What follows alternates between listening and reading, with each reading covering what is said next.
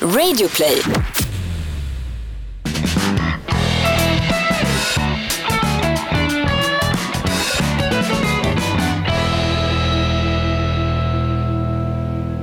Pumpa upp grejerna här. Ja, vi går ju inte bara på vanligt tjack, vi går ju på steroider också. Välkommen till podden Inaktuellt, Sveriges mest aktuella podd. Jonas Nilsson, Hans Wiklund i studion och den här veckan tar vi upp, eh, ja det är Staffan Killebrand, förlåt mig, Staffan Hildebrand. Det är Magda Gads tjafs med hela SVT-ledningen. Ja, vilken jäkla härva det där blev. Hörru. Hon skulle ju bara bli intervjuad i det här mysprogrammet Min sanning som ju är ett, lite av ett flaggskepp för Sveriges statliga television. Eh, och det där gick ju helt åt helskotta snett, hör Jonas. Mm, nästan lika illa som att civilministern har hittats på någon bild där hon gör en sträckt Hitlerhälsning. Ja. Men jag tror inte att det var en Hitlerhälsning. Hon bara Nej. ville visa med högerarmen hur högt hennes hund kunde hoppa. Va? Så kan Ett det vara. gammalt klassiskt. Ja, samtidigt så har vi nu fått reda på vad faktiskt en civilminister gör för någonting, för det är ju lite otydligt. Men det är tydligen att, eh, att främja nationalsocialistisk propaganda. det, det, det är så jag kan tolka det. I övrigt så kan jag inte se vilket departement hon har eller någon, någonting i övrigt. Så att säga. Men Vi, hon, vi ska kasta oss över diverse aktualiteter. Elpriset också, brunbränd kol också, inte bara Helmut Kohl utan även aktuellare kolarbetare. Och sen ska vi också kasta oss över julhandeln Hans, därför Jaha. att vi har ju julklappar idag till våra glada off limits-lyssnare. Den här- off limits-lyssnare, det måste ha varit länge sedan. Ja, de är ju... Där kom det. Vi har, vi har Lindskov också Ja. i studion. Lindskov är på riktigt dåligt humör. Nej, men han skrattar ju bara när vi säger fel och det går snett. Det är det enda han tycker är riktigt roligt. Jag vet att Lindskovs Bentley hängde sig så att du var lite försenad hit idag, Lindskov. Och jag frågade dig, var det stopp i tunnelbanan? Då tittar du på mig som jag vore en påse ankskit som flöt runt i Nordsjön. Du åker inte gärna tunnelbana bland vanligt hyggligt covid-smittat folk, utan du åker din förbannade lyxbil. Du har ingen Bentley. Vad är det, för, vad är det du kör för bil, Lindskov? Berätta för oss nu.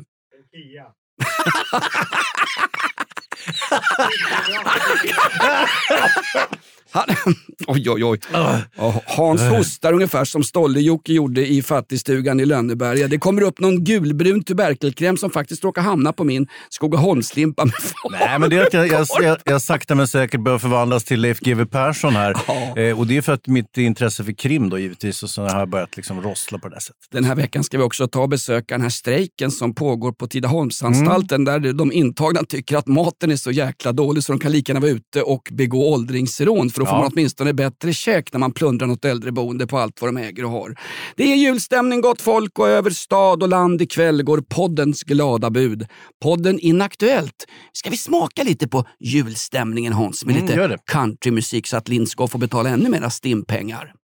Santa Claus and popcorn, jingle bells and reindeer horns, Christmas trees and mistletoe.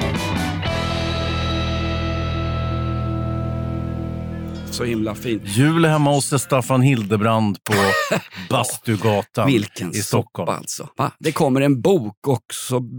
Han vet ju inte vad det är för bok och sen ber då Micke Syrén, fantastiskt duktig skjutjärnsjournalist, han ber Staffan Hildebrand säga några ord om den här boken. Ja. Och Staffan luras in ungefär som han själv har lurat folk sägs det i många, många år här efter G som i grooming och G som i gosspojke och G som i gärningsman. Mm. Han luras in i en intervju och så till slut till slut får Staffan Hildebrand, den 75-årige eh, filmregissören, svensk eller Södermalmsmästare i hängpung i alla fall, han är ju gammal nu. Han får frågan, är du pedofil? Ja. Då kastar han sig bakåt. Åh nej, inte alls. Nej. Men på den tiden hade man en annan syn på sexualitet. Ja. Och då säger Micke Syrén igen som den skjutjärnsjournalisten. Han ställer en till motfråga. Mm. Djupt imponerande. Mikael Syrén, ge killen på Expressen, han är ju anställd, man var ju frilans förut. Ge han Stora Journalistpriset, nu rätt upp och ner. Ja. Eller till Magda Gad. Nej men då säger han, men du har ju haft sex med 13-åriga pojkar. Han vrider sig så, Staffan Hildebrand, så att G som i gemenskap kliver ju ur kroppen på honom. Alltså,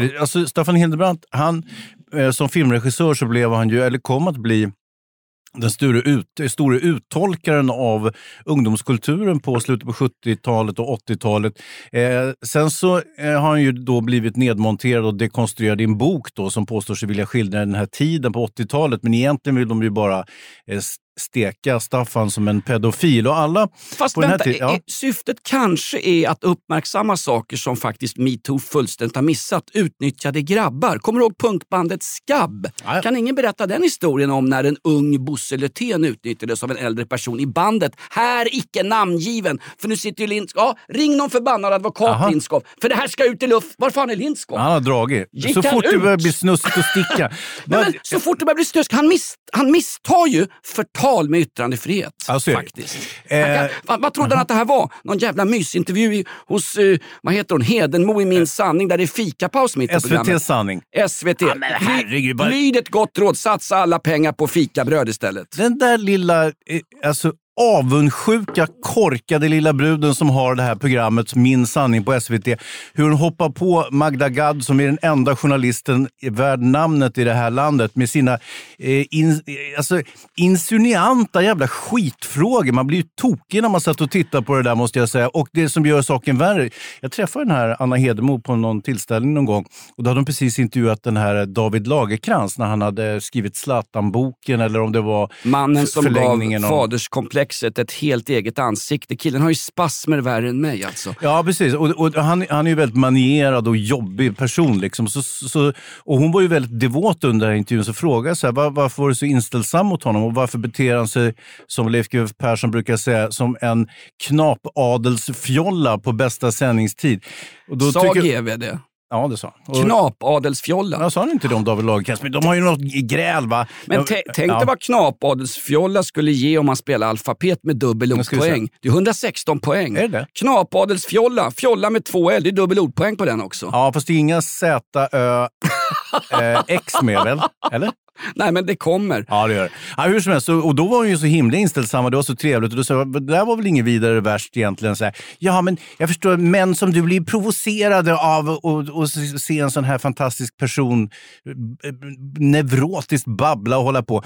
Så stöter de på en brud som är lite tyngre i, i Magda Gad, då går allting åt helvete för henne. Va? Fast hon var ju inte tyngre Magda Gad. När hon hör av sig efteråt, jag tycker inte att jag kom fram i intervjun. Sist jag kollade så var det intervjuaren som Ja. styrde programmet. Ja. Och min sanning är ju inte liksom, det är ju inte 30 minuter eller vad heter det andra, mötet. Något ha- halvtafatt försök att ställa någon slags person ansvarig för någonting i det här samhället där ingen någonsin har något ansvar sedan de avvecklade tjänstemannaansvaret 1975 Ja. och någon sprang och gömde Lennart Geijers gamla papperstrosor, den gamla, vad sa du?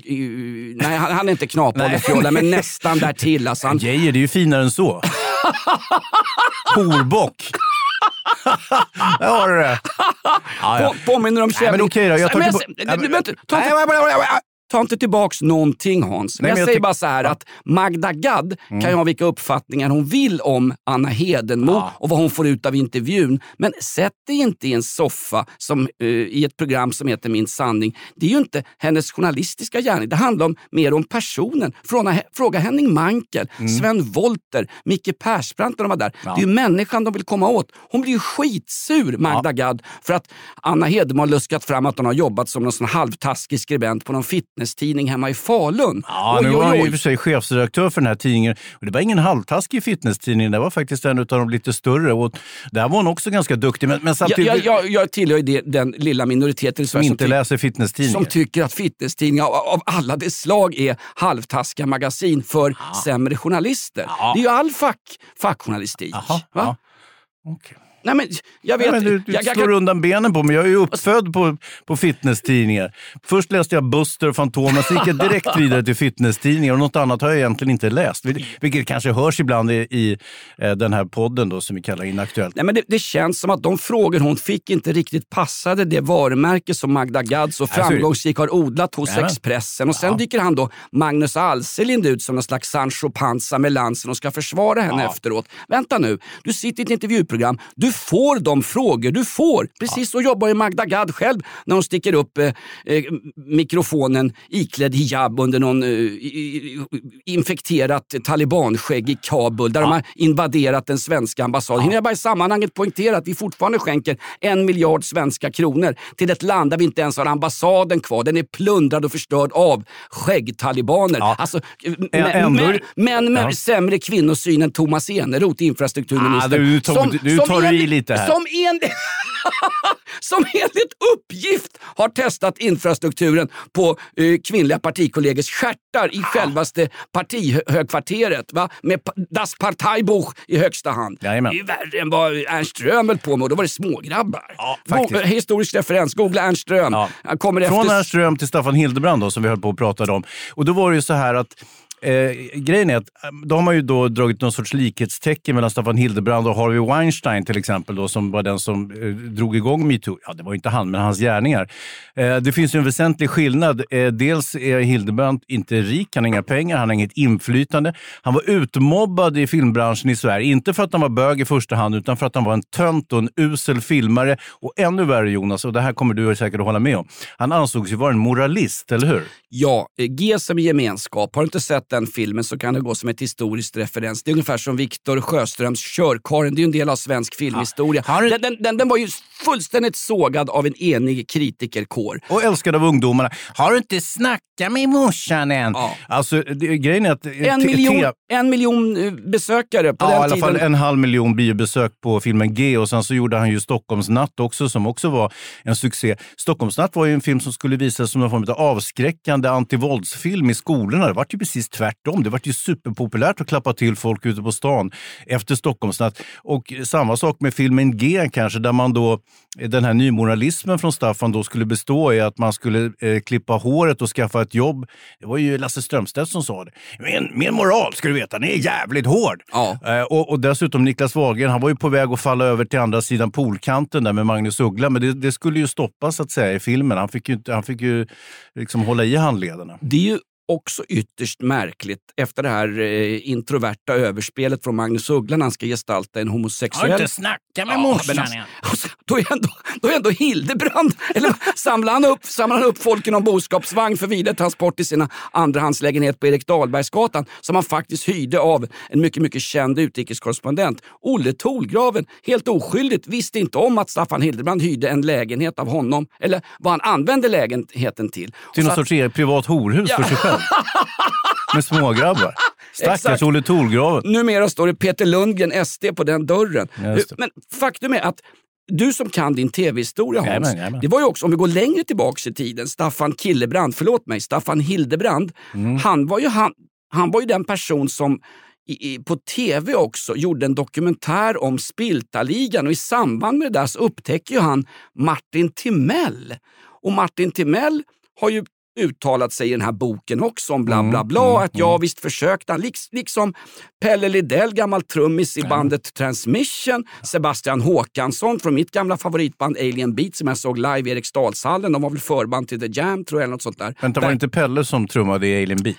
Eh, Pelle Lidell var med i Alien Beat och så var han väl med i Transmission. Men Alltså, skitsamma. ja, En verkligen, massa- det skiter verkligen En massa hopplösa new wave-band. Alla de, hade, alla de grabbarna hade den fysiska förmågan och auktoriteten att nej, vänta nu, det här är en snuskgubbe, en så kallad ful gubbe, gå härifrån. Alla hade ju inte det. Mm. Nej, Martin det. Timell har ju talat ut om att, nej jag visste ju, och ryktena gick ju länge om Staffan Hildebrand, men han har ju det eviga adelsmärket i pannan. Han var ju betald av LO-distriktet, han fick ju pengar direkt ur i Die Parteikasse, alltså Ja, det kan man säga. I alla sossarnas fall in- partikass. i- Och då går man ju fri på ett Ja, annat ja, sätt precis. än om man heter eh, Peter Lundgren och springer runt på fyllan i högklackat och tar kärringar på tuttarna Ja. i ett EU-parlament. Det är lite olika vilken, vilket narrativ man kommer ifrån. Så är det ju. Han, var ju då, han hade ju känningar, kanske till och med hållhakar, det vågar jag inte uttala mig om, eh, Staffan Hildebrand, på toppar inom socialdemokratin på den här tiden. Pengarna kom ju så småningom från ABF och Coop och andra eh, kollaboratörer med, med eh, den socialdemokratiska regimen, eller hur? Mm. Så att, det, det var ju på, på det viset som han gick fri. Och det, han var ju illa omtyckt även av det slaget, så att säga. Så att, eh, han, Det här är absolut inget angrepp på socialdemokratin i det här landet. Det är ett Nej. frontalangrepp Ja, på socialdemokratin. det. Och dessutom, det handlar alltså om den statsbärande makten under de här åren. Det är det som podden Inaktuellt, Sveriges mest aktuella podd, är satt att granska. Gransk- Där har du. Ja, det här är, det här är ju tuffare Magda Gad är ingenting mot oss. Får vi komma till Anna Hedemo på Min sanning, du och jag? Det vore väl kul. Hörru. Eh, Skulle hon vara näsfus mot oss också? Eller skulle vi få såna här snälla frågor som eh, David Lagercrantz? Vi kan sitta och fjompa oss som värsta Hildebrandarna där inne i, i tv-studion. Och sen går de och fika mitt i programmet. Är inte det helt jävla konstigt också? Ja, men det Plötsligt mitt i programmet, som att det skulle vara någon reklampaus på andra kanaler, eh, så, så seglar de iväg där och går över Dolly-rälsen på kamerorna och ställer sig och dricker kaffe. Men det var ju tydligen inte så bra stämning i alla fall. Sen var det ju så att eh, fröken Gadd ansåg ju att de hade klippt bort en fråga där hon hade blivit till, till utfrågad om sina sexuella preferenser. Och det tyckte ja. hon, nej, men det var väl ingen särskilt adekvat fråga. Det frågar ju inte fikusarna som brukar sitta här i soffan, eller hur? Nej, det gjorde hon inte. Och det roliga med att, eh, jag vet, jag har fått eh, bister kritik. Eh, en gång i Svenska Dagbladet blev ju hela vår morgonshow sågad, Hans. Eh, det, sa, det sades med all rätt att den var infekterad av eh, slitna, nej, unkna sexanspelningar och slitna svärmorsskämt. Ja. Och det här har vi använt lite grann som ett anthem för ja, radion. Det är lite grann så vår radioshow är uppbyggd. Ja, det är som en undertext kan man säga. Ja, men vi, alltså, vi går ju på den enkla billiga humorn. Det är liksom dra ner brallorna, skit på det och... och, och, och Tårta i ansiktet. Ja, och blomkruka på huvudet och en fjäder ja. i hatten. Annat är det med podden här, Inaktuellt. Där har vi höjt nivån eh, högst betänkligt. Det är ju väldigt få svärmorsskämt till exempel och nästan inga unkna sexuella anspelningar. Jag har ett svärmorsskämt. Okay, Vad är den ultimata vikten på en svärmor? Jag vet inte. 280 gram inklusive urnan. Där har du den va? Skriv upp den. Nej, men det, det roliga är att Anna Hedemo också, när hon får kritik från Magda Gad, sitt intervjuoffer, ja. någonstans det jag lärde mig på min journalistskola och det är faktiskt som av en händelse. Vänta, vad fan, vi gick ju samma journalistskola. Poppius journalistskola. Ja, det måste de ha stängt nu. Det var, Vet det, det var ju friskola för fan. Det var ju, det var ju, var det muslim... Nej, det var Magda, det, var vanligt. Magda Gad må vara en förbaskat framgångsrik och modig journalist. Det var den enda svenska journalisten innan Therese Kristiansson från TV4 tog sig till Afghanistan. Det fanns mm. inte en käft där från varken Sveriges Radio Nej. eller ifrån det SVT. fortfarande inte. Nej, just det. Men de åkte dit i alla fall. Och det märkliga är att när ett intervjuoffer får lite svåra frågor och börjar kravla och kräfta sig runt i eh, tv och på Twitter dagarna efter som Magda Gad gjorde. Jag var inte, kom inte riktigt till mig rätt, bla bla bla. Att då Anna Jävlar vad snygg hon var. okay. Att Anna Hedenmo då går i polemik med henne och berättar att vad hon hade tänkt med sin intervju. Det är bara sånt lågvattenmärke. Ja. Det är ungefär som att jag skulle svara den här pajasen på SvD Kultur om... Pajas, det var ju en jävla briljant formulering. Det får du ju ge honom. Henne? Är riktigt fast ja, i din... Men du, ja, men du ska inte... Han och hen och honom. Vad fan spelar det där för roll, Jonas? Det var ingen mindre än Marie-Louise Samuelsson, dåvarande kulturredaktör på Oj. Svenska Dagbladet, som av misstag hade ramlat in i våran radioshow. Och, och det kom ju en sån sågis att cheferna sprang in med svenskan den morgonen. Det här är så länge sedan så att på den tiden fanns det fortfarande papperstidningar som inte användes till att torka arslet ja. på gamla på våra covidboenden. Förlåt mig, våra äldreboenden. Ja, det måste ha varit före min tid i alla fall. För att sen jag har varit med i rockklassiker så har det varit kliniskt befriat befriat från den här typen av utav skämtsamheter som du beskriver, eller som Svenska Dagbladet beskriver. Absolut. Nu har vi väldigt mycket högre, ja inte jättemycket högre, Men fortfarande låg nivå givetvis. Det här är ett betalt samarbete med Villa Fönster. Du behöver lite mer tryck nu Jonas. Tryck! Villa Fönstersnack med Linnea Bali. Villa, villa, fönster, fönster, fönster med Bali, Bali, Bali. Jonas, nu tänker jag lära dig lite om Villa Fönster. Lär mig baby. Villa Fönster är en rikstäckande leverantör av fönster och dörrar till dig som konsument och byggföretag. Och vet du vad Jonas? Vadå? Jag har en spaning. ja. Det som gör dem så unika är att de har Sveriges bästa leveranstid. Ja, det går undan har jag hört va? Ja, det gör det. För man tänker kanske som konsument här, åh nej, det här kommer ta så lång tid. Men inom tre veckor alltså så har du ett svenskt nyproducerat fönster som är redo för omgående avhämtning eller leverans. Oj, oj, oj, inom tre veckor. Är det inte så också, jag har hört ryktena, de har Sveriges största fönsterlager va? Ja, med 500 olika varianter av fönster. Och eftersom de allra flesta av oss vill ha olika storlekar på fönster så kan Villa Fönster dessutom göra anpassningar såsom spröjs, spaltventil med mera. Oj, oj, oj Linnea, du övertygar här. Du vet inte vad en persedel är för någonting, men spröjs och spaltventiler. Här har jag nästan läst på universitetet om det här. Ja, och är det någon som har koll så är det Villa Fönster. Historisk referens här.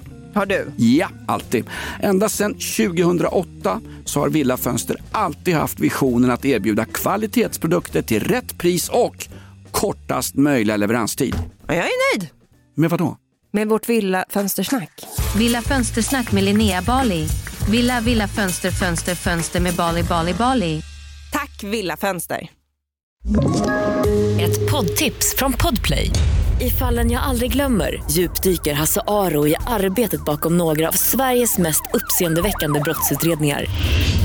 Går vi in med hemlig telefonavlyssning och, och då upplever vi att vi får en total förändring av hans beteende. Vad är det som händer nu? Vem är det som läcker? Och så säger han att jag är kriminell, jag har varit kriminell i hela mitt liv men att mörda ett barn, där går min gräns. Nya säsongen av Fallen jag aldrig glömmer på Podplay.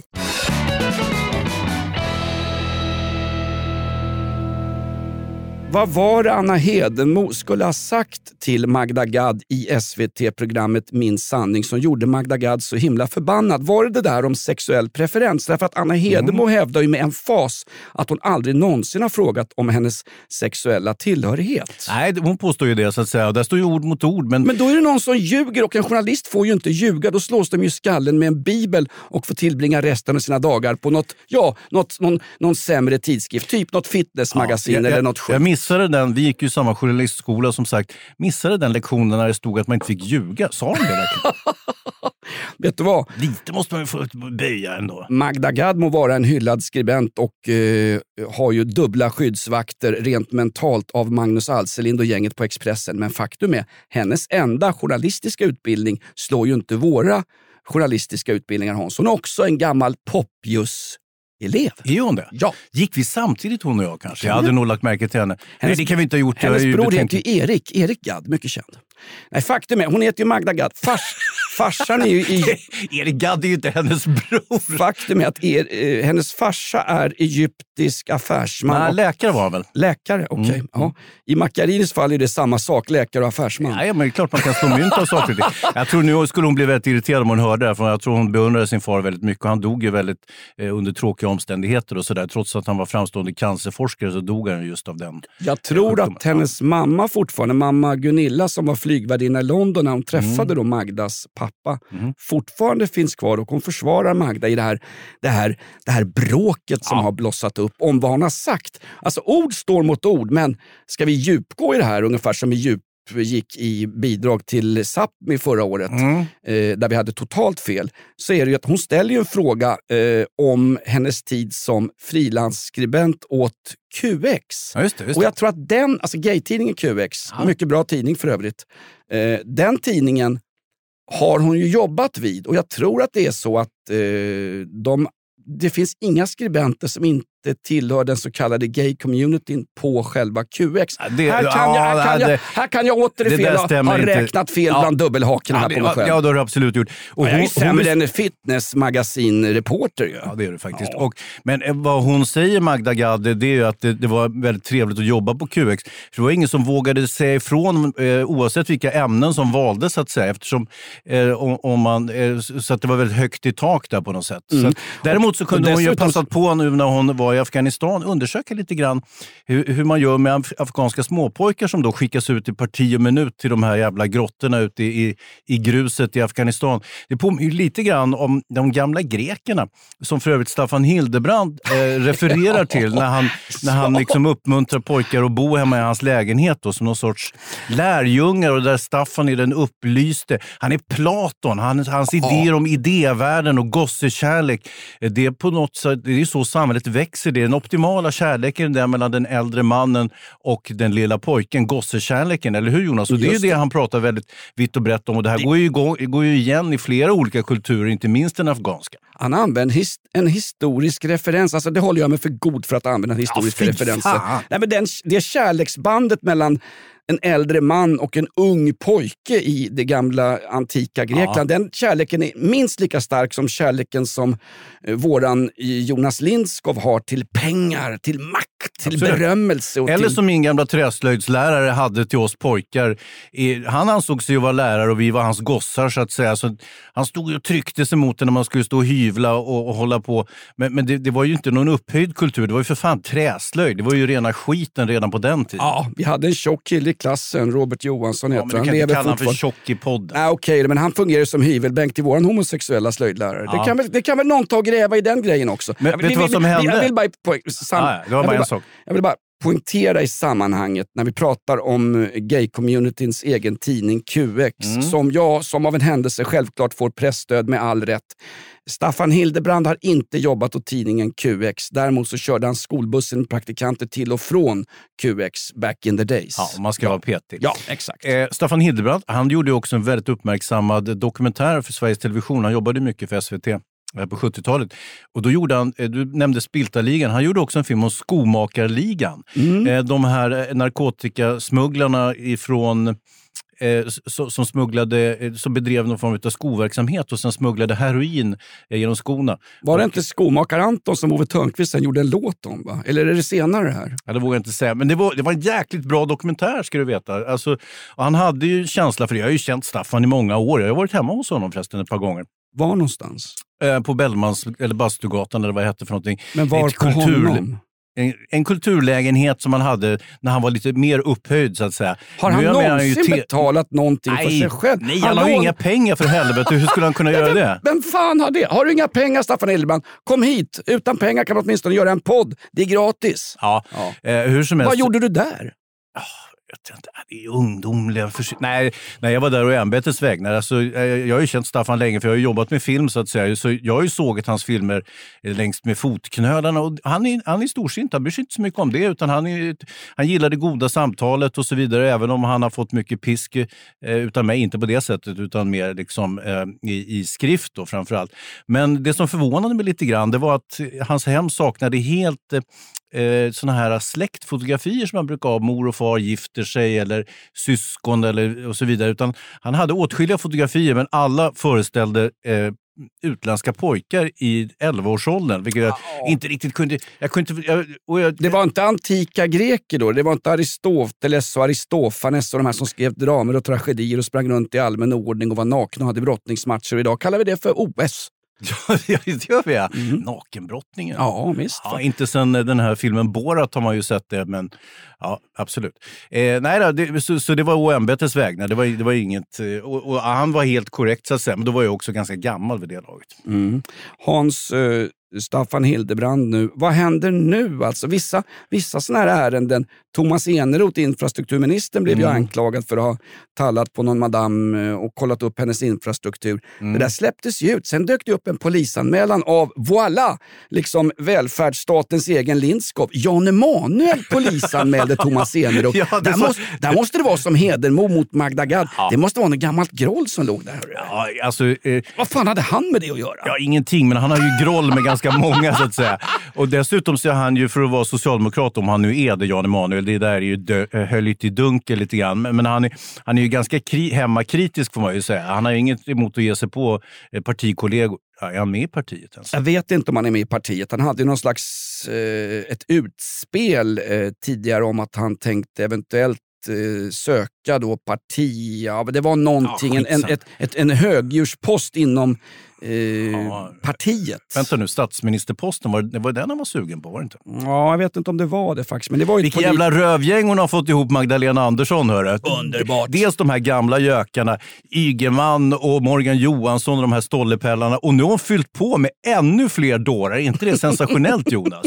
Ja, det här är alltså en partipolitiskt helt objektiv eh, podd. Ja, men det handlar inte om parti, det Nej. handlar om människor. Det är ju dårar hela bunten. Det handlar om eh, statsmaktens högsta utpost, det vill säga Ja, det är det ju inte heller. Vad, vad, kallar, vad, vad kallar vi regeringen för? Ehm, regeringen. Regeringen, det exakt. Och det dök upp en massa märkliga ministrar, hör du. De hade dragit ladd och, och fyllstyrt och de hade gjort det ena och det andra och nu senast då en rejäl jävla Hitlerhälsning. Men det Den var ju... som var sa- mest sansad av alla, det var väl Strandhäll med nio betalningsanmärkningar. som, en, som en slags eh, reinkarnerad Mona Sahlin Ja. dyker upp och klarar sig på riktigt galant ur varenda intervju. Det är någon som har flugit förbi med en drönare och f- filmat hennes kåk ute på Tyresö för, Mm. För att filma den där swimmingpoolen då, som inte var betalt med någon ifyllning eller vad det var. Och Då säger hon det är så otäckt att högerextremister filmar mig. Jag har nämligen ett högerextremistiskt hot eh, mot mig och min familj. Närmare än hon tror. Och dessutom var min 12-åriga dotter ensam hemma. Om det fanns ett dödshot mot henne, då borde ju inte hennes 12-åriga dotter vara hemma. Med det sagt så tar jag helt avstånd ifrån när de privat filmar våra folkvaldas bostäder. Va? Tänk om de skulle filma eh, eller fotografera Ebba Buschs kåk som hon köpte av dig. Den har ju aldrig någonsin fotograferats. Den har ju aldrig någonsin publicerats i Aftonbladet i 6-7 lösnummer i rad. Va? Så det är, återigen skillnad på folk och fä. Ebba Busch hon drog aldrig offerkortet och att hon är utsatt för hot och hatkampanjer. Men hon blev ju väldigt hudflängd i media. Strand, strandhäll, eller strandrätt som det heter nu, det är ju strandskydd och grejer. Hon kom ju väldigt billigt undan ändå alltså. Och hon sitter ju där nu som, som minister. Det är ju bra jobbat.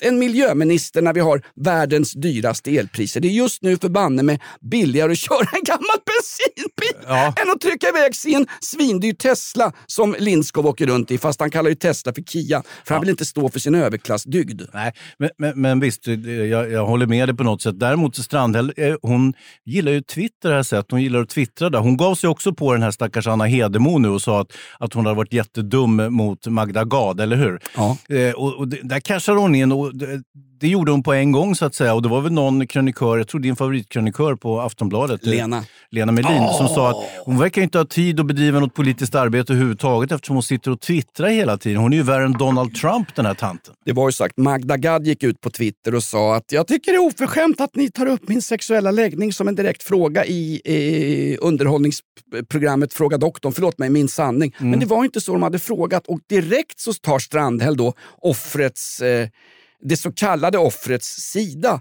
Men faktum är, sen har hon tagit tillbaks den Twitter och så här gick det lite för fort.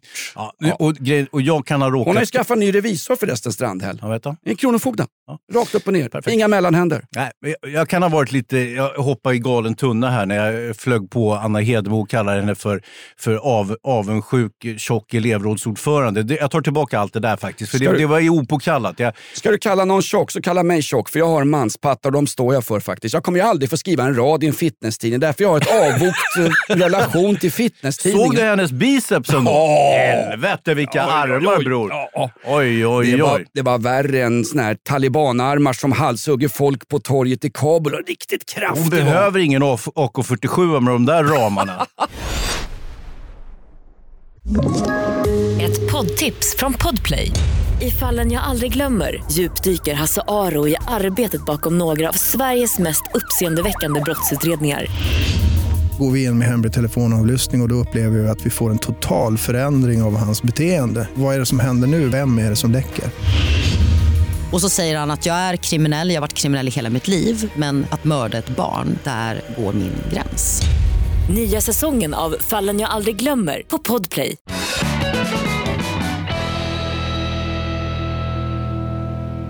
Ja, men det är så märkligt. Min sanning eh, dök de ju upp i och det är märkligt det här också att nya statsministern, inte Magda som hon kallas lite slarvigt ibland, jag tycker man ska ha ett korrekt namn på statsministern. Vi hade ju Magdalena. Ja, Magdalena Andersson. Hon ville ju inte vara med när SVT bjöd in till varken 30 minuter eller till Agenda. Nej, eh, på grund av tidsbrist eh, hälsade hennes pressekreterare. Det, det heter ju pressekreterare för att de är utsatta... Även på SVT? Exakt. De, nej, men Magdalena Anderssons pressekreterare Ja, eh, Mm. Jag kallades- trodde SVT hade pressekreterare det också. Mm. har de säkert. De utsätts ju för en hård press, så att det blir pressekreterare.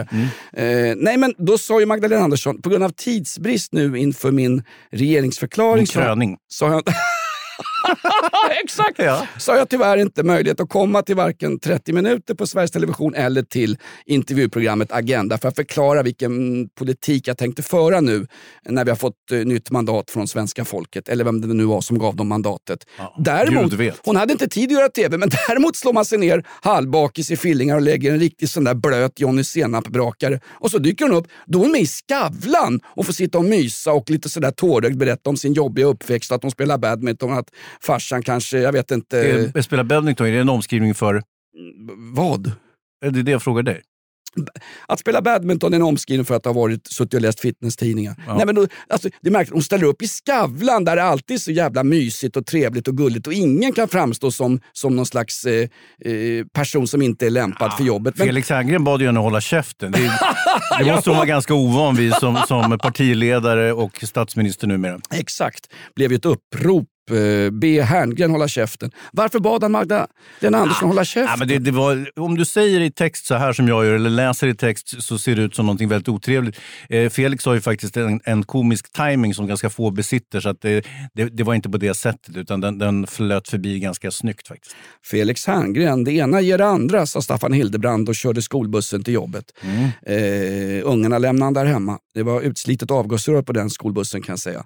Det roliga är att Felix Herngren, vi träffade på hans otroligt trevliga bror Måns Herngren just det. när du och jag tog en liten sån där eh, Inaktuellt-podden kväll. Vi skulle fira att vi är nominerade till Årets podd. Ja, helt, helt osannolikt. Årets podd 2021. Om det här är Årets podd i Sverige, stäng av alla poddar!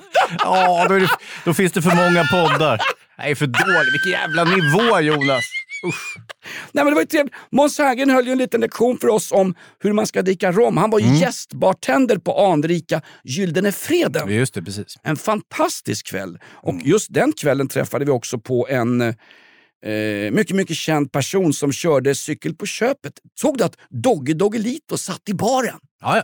Fantastiskt! Ja, det var många fina eh, storfräsare där. Wille Crawford också, Ja. poeten, lyrikern. Just det, det tog inte mer än 40 sekunder för hans berätt han, för han berättade om, för oss om något otäckt mordfall som hade begåtts inne i den Gyllene Fredens lokaler, alltså samma lokal där den svenska akademin har käkat ärtsoppa varje torsdag sedan Sjudderton 122, eller var det De Aderton 122 som gjorde det? Jag tror att det var Jean-Claude Arnault. Hörru. Ja, just det. Det var han som blandade drinkarna. Jag tror något sånt. Alltså kulturvärldens svar på Staffan Hildebrand. Fy fan. alltså, nej, kulturvärlden. Inte Staffan. Ja, din jävla snuskgubbe. Den Det, saken är det ju vild. finns något som jag avskyr har har Det finns på- något som jag avskyr med Ja. kulturvärlden. Det är såna här förbannade, har du hört det? Fitnesstidningar. Ja, Fy fan för de där. Alltså. som jag är uppfödd på. Men, men jo, jag, jag, jag tänkte på det. Det finns ju en viss acceptans vad, vad gäller eh, att män ger sig på småpojkar om du jämför med motsatsen. Det är väldigt få som skulle lämna sin lilla flicka i någon gubbes värv så att säga. Men däremot lämnar man ju gladeligen sina små pojktelningar eh, till gubbar utan att känna till deras avsikter och så vidare. Och det, det där har vi fått känna på både du och jag Jonas och många fler i vår generation. Det där skrev ju faktiskt översteprästen Jonas Gardell en Ja, lång precis. krönika om i ett av mina absoluta favoritblad efter fitnesstidningen jag läser. Aftonbladet. Han skrev den där. Var har unga pojkar som var på glid i storstadsregionerna på 80-90-talet, var har berättelsen om dem tagit vägen? Mm. Förutom att Jonas Gardell har skrivit en 7-8 tv-serier om det som vi har betalt, så vet jag och, faktiskt och ett par scenframträdanden. Karriär om det! Ja, men så det- har, ja, har det, det- faktiskt varit helt Nej, nedtystat. Gardell, Gardell har ju en poäng där mellan skinkorna, eller ja, hur? precis. Nej, det, det, det stämmer ju Och verkligen. han är ju fly förbannad. Han drog paralleller med Patrik Sjöberg Ja. som också varit utsatt för diverse Jajamän, obehagligheter. Här raljerar vi och skrattar åt Ja, någonting. det gör. Men det är därför att med humorns hjälp kan vi ta upp det. Här kan ju bajset i toaletten bubbla upp till Ja. ytan så har vi en riktig debatt om det. Bjud in Staffan Hildebrand till Min sanning. Ja, eller våra gamla träslöjdslärare. Vet du vad som som hände med min träslöjdslärare? En liten otäck fan. Som, han körde sportbil också, vilket ju var misstänksamt i sig givetvis. Eh, och han höll på att kladda på alla grabbarna. Men det var ju ingen som sa någonting om det, så att säga. Det var ju som det var med den saken. Men en dag så var det en av tjejerna, det var en parallellklass tror jag, eh, till min, som ljög och sa att han hade eh, försökt kyssa henne. Och då var det ett jävla liv. Det höll, höll på att åka ut, gjorde han givetvis inte, för att hon erkände ju sen att hon hade ljugit. De kom ju undan med sånt där snuskpenna. Jo, jo, jo. Apropå lärare och eh, kanske även föräldrar. Läste om den här kärringen eh, vars barn hade spelat in läraren när hon läste Ja. lusen av ungarna och kallade dem för fucking femåringar. Eh, För att de betedde sig som femåringar givetvis. Det här var en Och- skola i Malmö. Ja, precis. Och ungarna hade spelat in det här, vilket ju är g- gravt omoraliskt i sig. Eh, kanske till och med olagligt. Och sen så skickar hem det till mamma, rättshaveristen, som lägger ut skiten på Facebook för att skapa någon sorts eh, upprop mot den här läraren som kallar en spade för en spade. De här små jävla ligisterna som har stört lektionen. Va? Ja, alltså hon la ju upp eh, mamman eh, vars barn blev kallad för fucking femåring på någon eh, mobilfilm. Hon la ju upp det på en Facebookgrupp och vet du vad Facebookgruppen hette? Nej. Min sanning. Nej, men där Var det la hon- Anna Hedemo? men någonstans, vad är det för en morsa som att om ungarna kommer hem och säger att ja, vi Ja, blivit... med sådana föräldrar så är det inte så konstigt att vi får såna här jävla skitungar. Va? Hur svårt ska det vara att begripa? På tal om skitungar. Ja, skitungar växer ju till slut upp och ändra så börjar de podda i den här podden eller också hamnar de på Tidaholmsanstalten. Ganska kul. Det är en matstrejk som har pågått nu bland de här intagna på Tidaholmsanstalten. Berätta, vad är det de klagar på Hans? Ja, men framförallt så är det väl liksom ma- matens kvalitet. Ja, eh, och eh, eh, i synnerhet kanske kiosken som man har på anstalten där man kan då köpa eh, godsaker och sånt. Att det är fel utbud där. De har liksom smågodis och när interna ska bygga upp, rojda upp sina muskler ordentligt så duger det liksom inte med sega råttor och chokladpraliner utan de vill ha kvarg och dessutom frukt och grönt. Och det kan jag tycka är en rimlig begäran. Men, men det Får jag fråga en sak? Ja, Om man sitter på livstid, alltså ja, tidsbestämt livstidsstraff som det heter i det här landet. Mm. Om man sitter på livstid på Tidaholmsanstalten och så börjar man strejka. Vad tror man att man ska uppnå? Vad har man för, liksom, för förhandlings...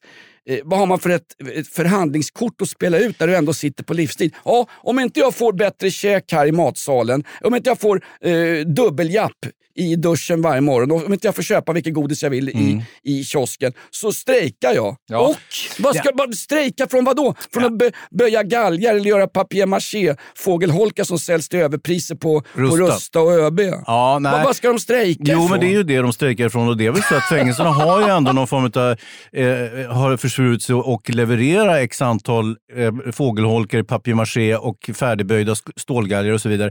Lever man inte upp till de målen så får man kanske ett vite på fängelset.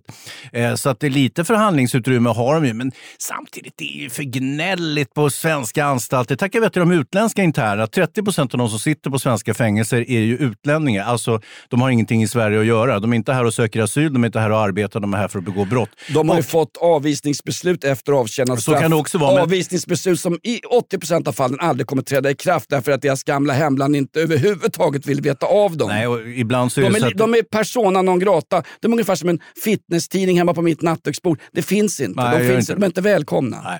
Men, men eh, icke desto mindre så de utländska internerna tycker oftast att maten är ganska bra. Va? För att Ja. det, det hå- håller ju en betänkligt högre standard än till exempel eh, fängelserna i Ukraina eller i Polen eller i, i Georgien och så vidare. Så att, eh, vi har ju en kompis försvarsadvokat där som säger att hans, hans utländska interner, hans polska interner brukar ju tacka honom eh, så mycket för att han har lyckats placera dem i svenska fängelser istället för utomlands. För att, och det är just med tanke på den goda maten. Va? Så att, eh, jag, jag, tror att det kan vara de, och det var väl du som nämnde förut, att de, de är bortskämda med den här fina svenska skolmaten i Sverige. Va? Så när de hamnar på anstalt så tycker de inte att den håller samma goda nivå. Och det, och det kan jag väl tycka är rimligt. Barnen ska väl ändå ha lite bättre mat än, än livstidsdömda mördare? Eller? Nu, nu säger vi inte skolbarn Hans, vi säger fucking jävla femåringar och så lägger vi ut dem på sociala medier när vi filmar. Ja, deras- där fick vi. Nej, men det, hur länge kan strejken hålla på Hans? För att mat, alltså, ma, matstrejk i det gamla Gulag... Nej, nej, de matstrejkar. Maten äter de med god aptit. Det är ju arbetet som de inte sköter. Det är det är ju stålgalgarna som ska böjas och så vidare. Det är ju det man undlåter att göra. Eh, och det är ju det strejken eh, består i, så att säga. Så att, ja, jag vet För inte. det var en bild på någon, i någon kvällstidning, det, det såg ut som det var grabbar och, och transpersoner som hade matstrejk. Att de, det, det är inga tjockisar på våra kåkar. Jag fick en chock nästan alltså. Var- det såg de smala ut? Det såg ut som en sån här EAN-kod man, när man går och handlar pepparkakor nere på Ica Aspudden. Det var bara en massa streck som stod helt enkelt. Jaha, men det De kanske väldigt- var... Är, är kanske- du säker på att det inte var en matstrejk på Tidaholmsanstalten? Vad har de för kock där? Hörru? Är det han, är det han gamla, gamla bäste far Hildebrand som jobbar där? Nej, det var han Catenacci. va? Nej, han är i. Spanien nu. Ja, Varför stack, varför stack katten? Bjud in honom till min sanning. Hörru. Kan vi ja, där har du. Hörru, nej, men jag tänkte bara säga det avslutningsvis Hans med... Eh, nej, Lindskov kommer inte in idag. Nej, jag tittar på klockan här. Just det. Ja, Andrew stack som en avlöning.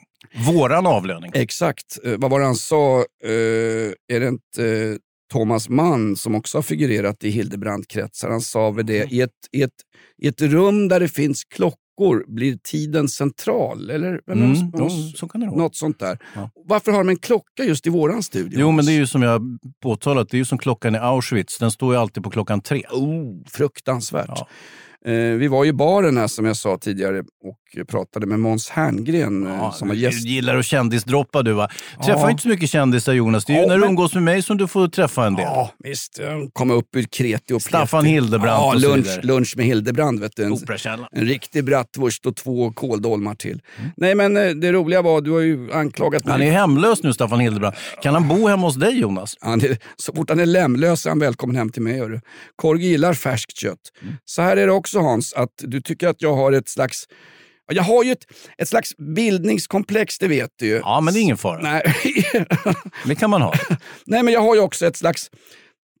Du hävdar ju att jag har Hellre det än peniskomplex som jag brukar ett, säga. ett, ett under... Eh, nej, det har min flickvän. Mm. Eh, hellre det än att... Du säger att jag, jag har ju haft en fäbless för att jaga ikapp kändisar och ta en massa selfies och Ja, sånt det har där. För jag hänt. tycker att kändispatrasket någonstans ska betala tillbaks till oss vanliga hyggliga knegare som faktiskt har satt upp dem på piedestaler. Jag tänker på Martin Timell, Paolo Roberto. Mm. Dogge Doggelito, Jean-Claude Arnault, Horace Engdahl, eh, Lena Melin, Magnus Alselind, nyhetschef på Du Expressen. var ju efter han prins Daniel var du ju på här förleden på fotbollsmatchen där. Tack Hans! Där kom det. Jag var och såg AIK nästan vinna allsvensk guld i år igen i fotbollsallsvenskan. Mm. På vägen ut på Friends Arena, eh, mitt ute i iskylan. Hade fått i mig en par, två, tre Fernet tror jag på det. Lyckliga Den vanliga dosen per halvlek.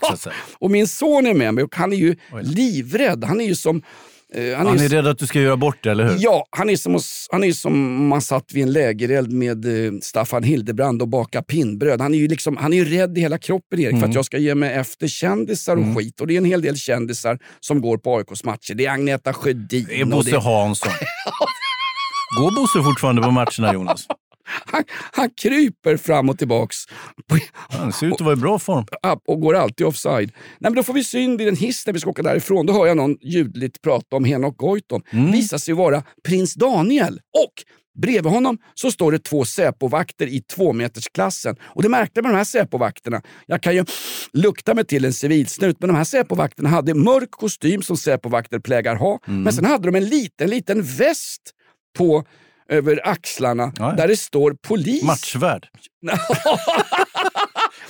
Förste bengalbrännare. Ja. Nej, men då har de en liten väst på sig där det står polis. Mm. Jag frågar dig som krimexpert och du som känner massa folk på kåken och skit. Mm. Eh, Det är väl inte vanligt att Säpovakter, alltså skyddsvakter, personskyddsvakter har västar där det står vad de jobbar som. Men just för att det var en AIK-match och det var så förbannat mycket dräggel som sprang runt med alkohol i kroppen, det vill säga jag och mina vänner. Så att de, de tänkte, vi tar på oss en väst så går inte buset ens fram. Nej, och men- vet du vad? Det funkade. Ja, jag går precis. inte ens fram till min gamla kompis prins Daniel som jag har sprungit på flera gånger på Hovet när jag sett AIK hockey. Mm. Jag går inte ens fram till min sons förtjusning och frågar honom om en selfie. För de där rossarna var förbanne mig ingenting att leka med. Hörru. De var ju som fucking 55-åringar i kroppen. Kling och klang. Ja, verkligen. Men du, Stora ja, men jag förstår ju det var också- inga genussnutar Hans. Var det inte? Det där var grabbar som hade kunnat eh, bo- boxa ner Staffan Hildebrand i en bastuklubb. Det var ju stora killar alltså. Ja. Jag hör att du går loss lite här. Ja, visst. Nej, jag har slutat att ta selfies med kändisar. Mm, ja, det är kanske lika bra det. Ja, faktiskt. Pratar du med polisen om någonting förresten? Ingenting. Jag skrek någonting från rulltrappan på vägen ner. På- Gnagarsvin. Nej, men det är så här, på, på riktigt. Nästa år då jävlar Ja, faktiskt. Och min son tackade mig faktiskt. Ja. Dels hade jag fixat innan på någon slags VIP-loge. Mhm. Eh, tack för biljetterna till VIP-logen på Friends med AIK Lindskov. Han administrerar ju våran producent eh, våran VIP-loge på Friends Arena. Ja, han sitter ju mest där själv. Ja. Och han är inte ens fotbollsintresserad. Exakt. Du har hört Min sanning, eller som podden också heter Inaktuellt. Eh, vi har tagit upp en hel del, men framförallt har vi tagit upp veckans bråk mellan Magda Gad, skjutjärnsjournalist och Sveriges modigaste utrikesreporter. Hennes envig, hennes tvekamp. Med Sveriges kanske sämsta journalist, Anna Nej, Hedemo. Men, ja. Ja, men det var ju så vi började, men sen så kom vi på att det var ju Magda Gad som, som är den som har gjort fel. Ja, sist jag kollade så var det Anna Hedenmo som har signerat programmet Min sanning och det är hon som fortfarande bestämmer frågorna. Men det är, ju, ja, ja, Alltså, men det är som att den här podden, att det skulle vara ditt ord som gäller. Du hör ju hur absurt det skulle bli. ja, det här är värre än ett fitnessmagasin. Nej, men det finns ju duktiga skjutjärnsjournalister i det här landet som vågar ställa riktigt tuffa frågor. Ta hon Anna Gullberg på Expressen, Micke Syrén som intervjuade Staffan Hildebrand Ja. när gubbfan inte hade en aning om att det handlade om en bok och hans, om hans eskapader eskapad, på nej. 80-talet Ja. på Stockholms ungdomsgårdar. Ali Fegan, Karin Mattisson på Uppdrag granskning, Therese Rosenving i Sveriges Radio, Nicke Nordmark. Men jag fattar inte, söker du jobb hos de här tidningarna? Varför Nej, men- du på att dyrka de här personerna? Jag vet inte ens vilka det där är. Jag dyrkar dem inte, jag säger bara att Sverige har en massa duktiga skjutjärnsjournalister. Nu Låt- glö- glömde du Carina Bergfeldt. Hon hann ju med i både På spåret och Skavlan och allt möjligt istället för att prata om sitt engagemang i Afghanistankommittén. Det är, ju mirakulöst, trots att hon har ett barn till och med. Karin- Till skillnad från alla andra kvinnor. Carina Bergfeldt nu som i de patriarkala strukturerna på SVT har tagit över Sveriges enda riktiga talkshow. Eh, hon, hennes insats i det här På spåret om allmänkunskaper tillsammans med han Harlekin och pantomimdockan från Smålands, småländska höglandet, Ja. Marcus Oskarsson. Ja. Det, alltså, det var, de hade ju inte ens kvalat in till Vi är femma med den allmänkunskapen. Nej, det var ju säm, var ju sämre än en fitnesstidning Reporter. Jävla korkade de var alltså. Det var ju svårslaget idiotiska. Men, men eh, det brukar inte Det är hindra värre än någonting. oss. Ja, nej, nu går du för långt Jonas. Tänk om vi satt där i På spåret va? de jag rabblade upp här, det är bara duktiga skjutjärnsjournalister. Jag tycker bara att SVT kan väl anställa dem att utföra program där då Magda Gad får komma till sin rätt som då kvinna. Eh, inte vet jag. Ska hon komma till sin rätt som kvinna? Nej, Ja, har hon inte fler ambitioner än så tror du? Hon sa ju att jag kommer inte till min rätt som pers- varken som person eller till min journalistiska gärning när jag bjöds in till Anna Hedenmo i Min sanning. Men det är fortfarande Anna Hedenmo som ställer frågorna och som Magnus Härenstam sa i Jeopardy, det är du som, som, som, som kommer med svaren. Ja. Ja. Eh, Tidaholmsanstalten, vad sa du Hans? Det var ingen matstrejk, det var något annat nej, där, det är en va? vanlig strejk så att säga. Men, men jag tror att det där kommer att lösa sig och eh, internerna får återgå till sitt stål, eh, stålgaljeböjande och vad de nu håller på med. Stålgalge är ett gammalt namn på abortinstrument i den amerikanska södern. Där fick du till ett lumpet sexskämt ändå. Det är inget sätt, sexskämt, det här är på blodet allvar, rent bokstavligt. Vi går väl ut på lite outlaw country Hans? Ja, det gör vi. Absolut, för alla kåkfarare, när för er? And I was thinking about you guys yesterday. I'd been here three times before, and I think I understand a little bit how you feel about some things. It's none of my business how you feel about some other things. And I don't give a damn how you feel about some other things. But anyway, I tried to put myself in your place, and I believe this is the way that I would feel about San Quentin. San Quentin och nu börjar han vifta Lindskog. Det är för mycket stimpengar, vi ska spela Johnny Cash också. Hans, eh, vi fortsätter väl att köra den här podden tills vi återigen blir nominerade i kategorin Årets podd på Radiogalan och dessutom Årets podd på den så kallade Guldpodden-galan. Ja. Två nomineringar, en Det är väl podd. förresten, är det inte radiogalan ikväll Jonas? Ikväll? Ja, Är ikväll. det sant? Är vi bjudna? Nej. Lindskov! Ska, ska vi gå eller är det bara du som går? Ja. Jaha. Välkommen till våran värld. Är det kört Va, för oss? vann då? vi den? Nej. Så Jävla ondskefull va? Tack för att du står ut. Det här är ännu ett otyglat avsnitt av yttrandefrihetens sista utpost i ett kvävande folkhem. Det här är podden Inaktuellt. Eh, Sveriges mest aktuella podd. Sprid ordet, kommentera oss inte på Flashback. Skicka ett mejl till mig direkt istället. Jonas rockklassiker.se. I studion Hans Wiklund, Jonas Nilsson, men framför allt knäböj som på en efterfest hos Hildebrand. Jonas Lindskov! Utan dig ingen podd. Nej.